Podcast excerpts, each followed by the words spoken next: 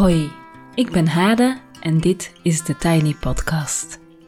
Vandaag is het maandag 23 mei en op maandag checken we in. En dat gaat als volgt. Ik stel je twee vragen waar je even bij kan stilstaan. Daarvoor kan je bijvoorbeeld de podcast op pauze zetten als je schrijvend wil inchecken, maar ik zwijg sowieso dadelijk na het stellen van de vragen een minuut lang, dus je kan ook even gewoon in je hoofd inchecken. Of wandelend, kokend, wat je ook aan het doen bent. Misschien ben je aan het autorijden. Ik luister zelf altijd uh, podcasts als ik onderweg ben, wandelen of fietsen of autorijden. Na de stille minuut ga ik natuurlijk ook even inchecken bij jullie. De twee incheckvragen voor vandaag zijn. De eerste. Um, het is een tijdje geleden dat we deze check-in gedaan hebben. Heb jij een update? Hoe gaat het intussen met jou? Dus misschien is het ook wel een tijdje geleden dat je dan even ingecheckt hebt bij jezelf. Dus kijk even van wat zou een soort van update kunnen zijn, hoe het nu met je gaat. Zijn er nog belangrijke dingen gebeurd? Um, nou ja, dat soort dingen. Dan de tweede vraag. Uh, wat is het laatste boek dat je gelezen hebt? En zou je het aan iemand aanraden? Ja of nee? En waarom wel, waarom eventueel niet? Ik ga een volle minuut zwijgen en daarna ga ik uh, natuurlijk ook even bij jullie inchecken. Tot zo!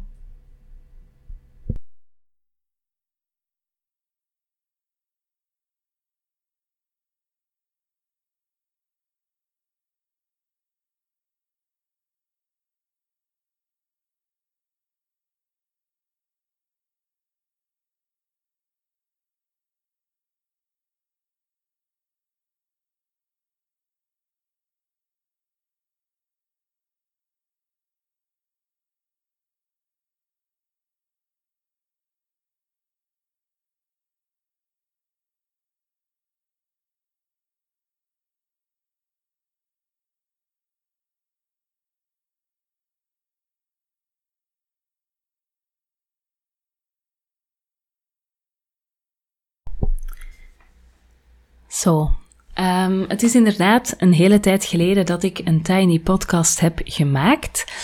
Uh, en dat komt omdat we thuis een soort ziektemarathon hebben gehad. Uh, we hebben op een tweetal maanden echt, ja, is iedereen ziek geweest en iedereen stak elkaar weer aan. Uh, we hebben die heftige griep in huis gehad. Um, nou ja, steeds terugkerende fases met koorts. Uh, dagen wel en niet naar de opvang, dagen wel en niet kunnen werken.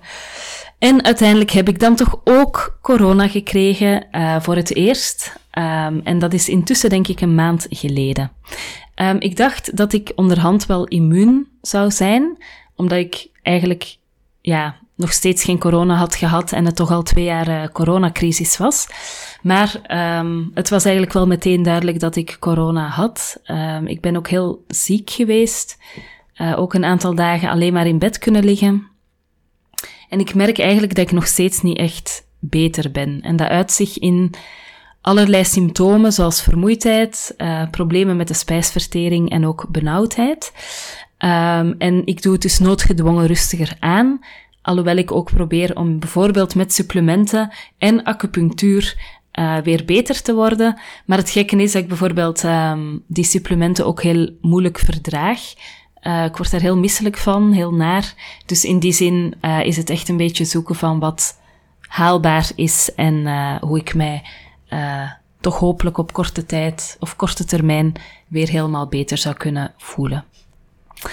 Naast de ziektemarathon zijn er natuurlijk nog wel andere dingen om te delen. Zo ben ik bijvoorbeeld gestart met een businessopleiding en een business coach. En dat klinkt heel erg hip en stoer. En ik vind het dus heel erg uh, not me.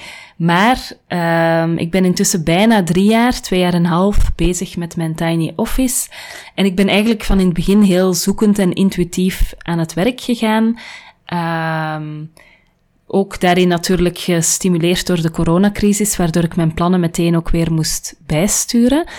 Um, mijn aanvankelijke idee was dat ik voor organisaties zou werken en na een paar maanden brak die crisis uit en werden al die afspraken afgezegd en moest ik toch maar wat anders gaan doen. En toen zag ik echt wel een leuke optie om eindelijk online cursussen te gaan maken, wat ik heel graag wou doen.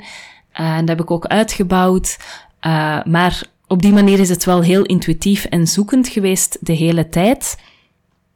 Um, en lijkt het nu, na 2,5, bijna drie jaar, wel het moment om alles op een hoger plan te tillen Um, en ik hoop dat dus de komende maanden te doen samen met mijn coach.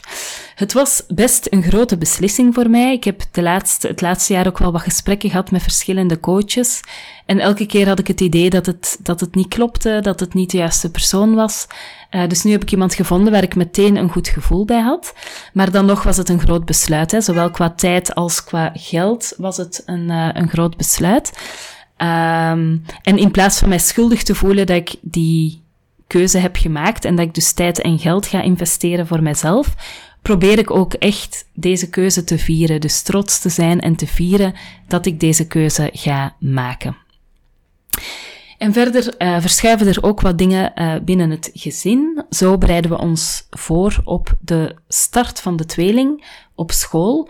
Uh, hier in Nederland is dat rond uh, vier jaar. Dus als een kind vier is, mag het naar school. Uh, onze meisjes worden op 6 juli vier. Ehm, en dat betekent dat het ja, dan hier eigenlijk nog één à twee weken school is in Nederland. ik weet niet wanneer de, de, exacte start van de vakantie is, maar ik denk rond 20 juli. En het leek een beetje gek om hen nog voor die twee weken naar school te sturen. Um, en dat werd ons ook afgeraden, omdat um, ja, op het einde van het schooljaar ook iedereen moe is, de kinderen en de juffen, dus dat zou niet per se een leuke start zijn. Uh, dus ze gaan eind augustus starten. Um, ja, het schooljaar begint hier, of de vakantie is hier maar zes weken in Nederland. Uh, dus ik denk, als ik even op mijn agenda kijk, ja, op 29 augustus start het schooljaar hier weer. Uh, en dan gaan ze dus naar school.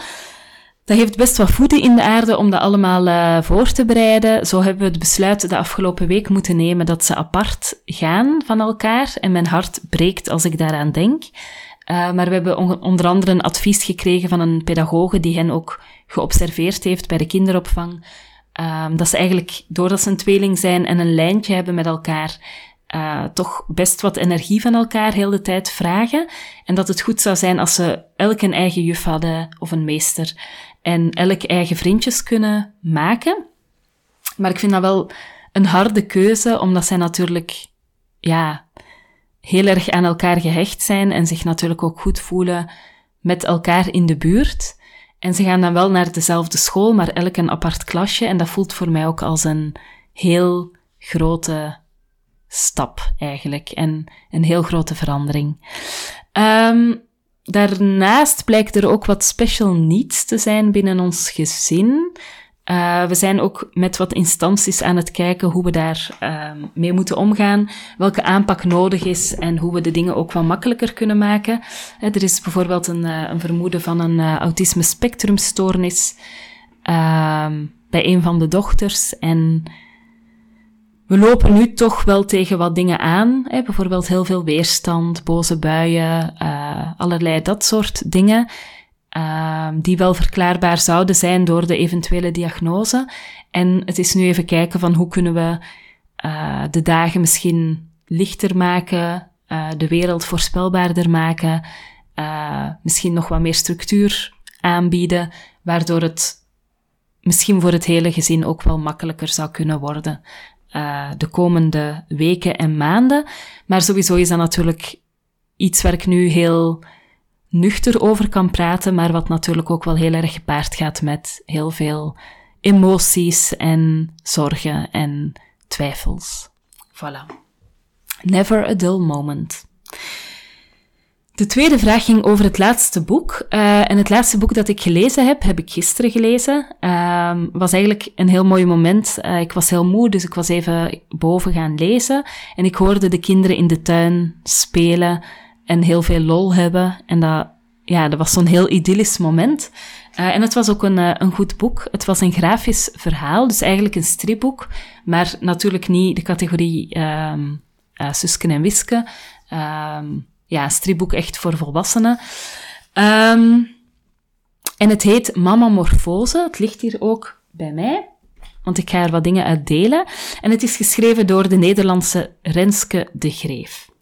En in vijf delen neemt Renske ons eigenlijk mee van haar kinderwens over haar zwangerschap, bevalling, kraamtijd tot het eerste jaar van haar dochter en dus ook het eerste jaar in het moederschap dat zij heeft uh, beleefd.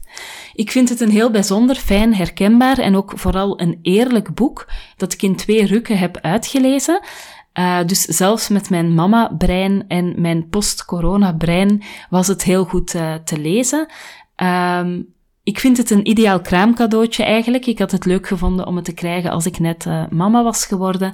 Maar sowieso is het voor alle moeders, jonge moeders, um, wensmoeders, um, of mensen die gewoon, ook vaders waarschijnlijk, mensen die wat hebben met het thema ouderschap, is het een heel goed en fijn boek. Dan ga ik even drie redenen geven waarom ik het zeker wel zou aanraden. De eerste heel simpel. Ik hou eigenlijk heel erg van de stijl van Renske. Haar boek is heel grappig, de tekeningen zijn leuk en alle pagina's zien er ook anders uit. En dat vind ik ook altijd heel leuk. Dus elke keer als je een bladzijde omslaat, dan uh, kom je weer, ja, ja, eigenlijk iets helemaal nieuws tegen. Dus het is niet zo dat er op elke pagina negen hokjes staan met tekstballonnetjes. Het is echt een, ja, een hele reis eigenlijk. Er zijn pagina's met veel tekst, pagina's met veel kleur, pagina's met weinig tekst, uh, grapjes, um, um, ja, pagina's zonder tekst waar een afbeelding op staat die je heel erg raakt, uh, enzovoort. Ik vind het een heel leuke stijl. Dan, um, het is natuurlijk een persoonlijk verhaal uh, van Renske, maar daar doorheen geweven zitten ook maatschappelijke vragen en bedenkingen rond het moederschap. En ik ga er twee even delen. Even bladeren in het boek. Voilà. Um, een van de dingen die ze uh, deelt en die ik ook heel maatschappelijk relevant vind, is uh, het schuldgevoel. Ze schrijft, maar bij het onderwerp kinderen komt er schuldgevoel om de hoek kijken. Zodra ik iets zeg over dingen die me zwaar vallen, voelt het alsof ik een disclaimer moet geven. En dan staat die disclaimer er ook bij. Um, en die luidt als volgt: eventueel negatievere gevoelens en emoties die tot uiting komen, zijn van tijdelijke aard. Ze hebben geen effect op het welzijn van het kind. Moeder houdt van haar baby. Ze zingt liedjes voor haar kind, verschoont luiers vrijwel altijd binnen een schappelijke periode en heeft zojuist geen Amsterdams kopje koffie besteld, maar in plaats daarvan de uitgespaarde 13,95 euro in het studiepotje voor haar dochter gestort. Um, ja, ik vond dit heel grappig, maar ook heel raak. Um, gelukkig zie je wel dat de het benoemen van de complexiteit van het moederschap, uh, dat dat wat um, gebruikelijker wordt, dat dat wat meer voorkomt, dat daar ook wat meer ruimte voor is. Um, maar het blijft wel zo dat elke keer als je wil vertellen dat het toch pittig is of zwaar of dat er toch wat mee is met dat moederschap, dat je dan een soort neiging voelt om het ook even um, te relativeren en uh, te zeggen dat je ondanks het feit dat je het soms niet makkelijk vindt, toch heel veel van je kinderen houdt. En eigenlijk is het gek dat we natuurlijk die neiging hebben om dat op die manier te moeten inkleden en dat er misschien soms wel te weinig ruimte is om ook de complexere kanten uh, te benoemen. Dan een tweede stukje dat ik heel graag even daarover wil delen, um, is het volgende. Voor de geboorte van Boris hebben Sieger en ik besloten werk en zorg eerlijk te verdelen. Doordat Sieger ook freelance werkt, hebben we de luxe dat hij net zoveel verlof kan nemen als ik. Hierdoor wordt het glashelder hoe onzinnig ons idee over ouderinstinct is. Zorgbehoefte heeft niets te maken met gender, maar is puur een optelsom van persoonlijkheid en tijd. En dan geeft ze daaronder een tekening waarin uh, eigenlijk uh, duidelijk wordt dat de vrouw dus meer thuis is met de baby, zeker in het begin natuurlijk, omdat ze ook moet herstellen van de zwangerschap. De man die moet weer gaan werken en uh, daardoor doet de vrouw veel meer in de verzorging van het kind en weet dus meer hoe het moet. Ze krijgt daar meer handigheid in. De man komt thuis, die probeert wel een keer wat te doen, uh, maar uh, die mist routine en ervaring waardoor de baby dan eventueel huilt of het toch niet makkelijk uh, gaat en de man de baby wanhopig weer aan de vrouw geeft of de vrouw de baby zuchtend overneemt. Um, en ik vind het heel mooi dat ze dit ook even in kaart brengt of in beeld brengt, want zorgen is inderdaad niet iets wat je toevallig beter kan omdat je een vrouw bent, maar het heeft echt denk ik ook oprecht te maken met hoeveel gelegenheid heb je, hoeveel tijd krijg je om te zorgen en ja, in alles ontwikkel je handigheid. Um, en op die manier denk ik van als een man uh, iets meer ouderschapsverlof zou krijgen, iets meer vaderschapsverlof, zeker in het begin. Um, en een vrouw is dan natuurlijk uh, ook zo coulant om die baby ook wat uit handen te geven. Dan denk ik dat dat grote verschil tussen uh, mannen en vrouwen, in, even in het geval van hetero-relaties natuurlijk, denk ik dat dat grote verschil niet per se zou moeten bestaan. Voilà, een derde reden waarom ik het boek aanraad, is dat ik oprecht denk dat we meer van dit soort eerlijke verhalen over het moederschap en het ouderschap nodig hebben. De donkere wolken die ook wel naast de roze wolken kunnen bestaan, de overweldiging van bijvoorbeeld de bevalling, uh, de vervulling, maar ook de saaiheid en de traagheid van alles. Dat komt allemaal in het boek aan bod en is eigenlijk wel heel fijn om zo te kunnen lezen, want dat hele roze beeld van het moederschap uh, lag bij mij ook best wel snel aan diggelen. En welk verhaal is er dan nog, zeg maar. Hè? Dus daar zoek je dan naar. Um, ik ga even ook een citaat over de bevalling uh, lezen, dat voor mij dat mij heel erg raakte, omdat ik dat na elk van mijn bevallingen ook had. Um, Renske schrijft, de baby is geboren en is in mijn armen gelegd en ik huil niet. Ik kijk naar Sieger die wel huilt en die mijn arm vasthoudt. Daarna kijk ik naar de baby die donker haar heeft en vreemd warm en zwaar is en die ook heel hard huilt. En mijn eerste gedachte is, kan iemand misschien deze glibberige zware baby van mij overnemen, want dit kan ik er echt even niet bij hebben.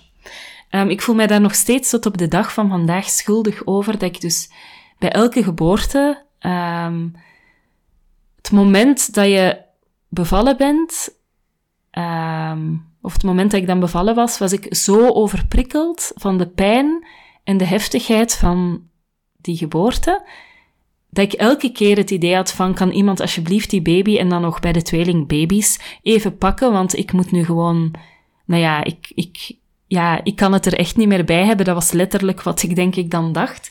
En ik heb mij daar altijd heel schuldig over gevoeld, omdat je in allerlei rozige uh, boeken en verhalen uh, en op websites leest over dat eerste belangrijke uurtje na de geboorte, dat je dan volledig kan bonden.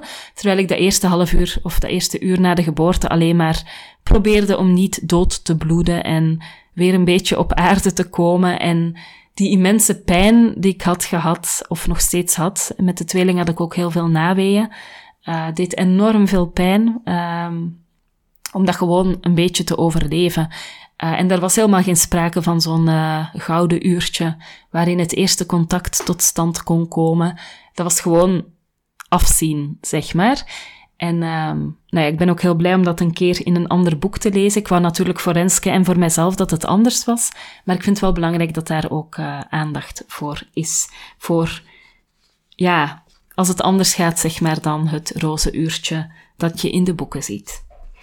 Dan heb ik nog een, uh, een stukje dadelijk. Um, ja, wat dus in het boek ook heel mooi is, is dat zij niet alleen dat soort dingen beschrijft uh, en daar eerlijk over is, maar ook de zoektocht naar haar eigen identiteit als moeder.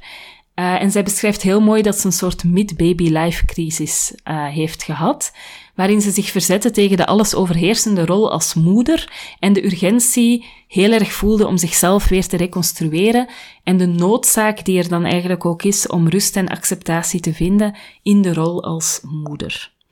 Um, en daar wil ik nog één citaatje tot slot uh, over delen. Ze schrijft, als ik eenmaal de deur achter me dichtsla, zoek ik contact met mezelf, zoals je de banden probeert aan te halen met een oude vriend, waar je ooit nachten mee doorhaalde en zulke goede gesprekken mee had. Je gaat weer naar een bar, probeert de taal van toen terug te vinden, bestelt een vlugel, maar het voelt ongemakkelijk, raar. Niet hetzelfde.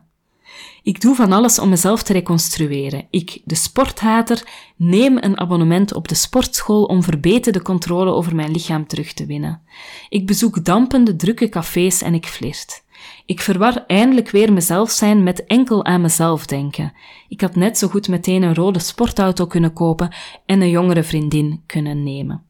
Einde citaat. Um, ja, ook heel bijzonder fijn om een keer te zien dat dat moederschap niet bij iedereen van nature komt en dat er zeker ook na die eerste overweldigende, uh, intense periode van dat newborn baby gedoe, dat je daarna ook echt gewoon wil uitbreken. Um, ik heb niet per se um, geflirt in uh, een bar uh, zelf, maar ik ben bijvoorbeeld wel heel erg gaan zoeken van hoe ik mijn werk weer kon oppakken en daarin echt wel weer identiteit kon uh, terugvinden. Tot en met dat ik daar ook best fanatiek in, in was. En ik vermoed dat dat zowel voor ja, Pieter als voor de kinderen in die periodes natuurlijk ook wel heel intens is geweest. Dat ik ook wel een soort van inhaalwoede had ten opzichte van tijd voor mezelf, maar ook zeker het weer mezelf op de kaart zetten als professional in plaats van zo die dagen die als moeder met kleine baby's voor mij lagen, waarin dat je dan de kinderen naar school brengt en dan kom je thuis en dan ligt die hele dag tot drie uur als een soort van, ja, onontgonnen terrein voor je. En wat dat je dan eigenlijk daarmee doet, is borstvoeding geven, borstvoeding geven, borstvoeding geven. Hopen dat je zelf een keer een kopje thee kan zetten en een boterham eten. En wat series kijken tijdens het borstvoeding geven. En als je gedoucht hebt, is het ook nog een succesmoment.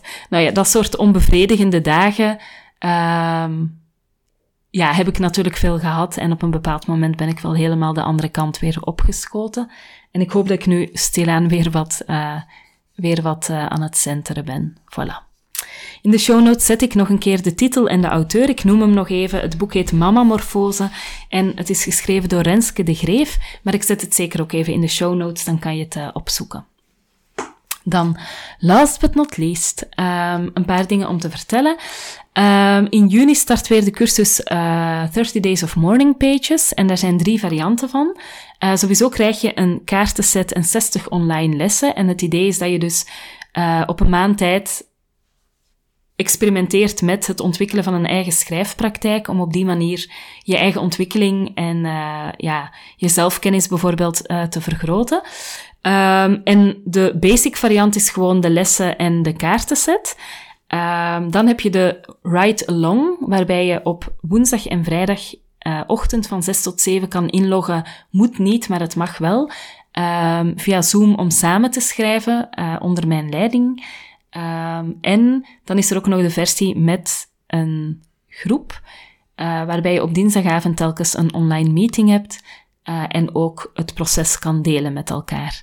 Um, ik zet ook de um, 30 Days of Morning pages in de show notes en ik hoop van harte dat je je heel welkom voelt om deze juni uh, mee te starten en ja, die schrijfpraktijk eigenlijk voor jezelf uh, te creëren, om op die manier echt wel verbinding met jezelf te krijgen en uh, gewoon stappen te zetten in je leven. Dan uh, werk ik ook in het project Eigen Tijd voor Femma Wereldvrouwen.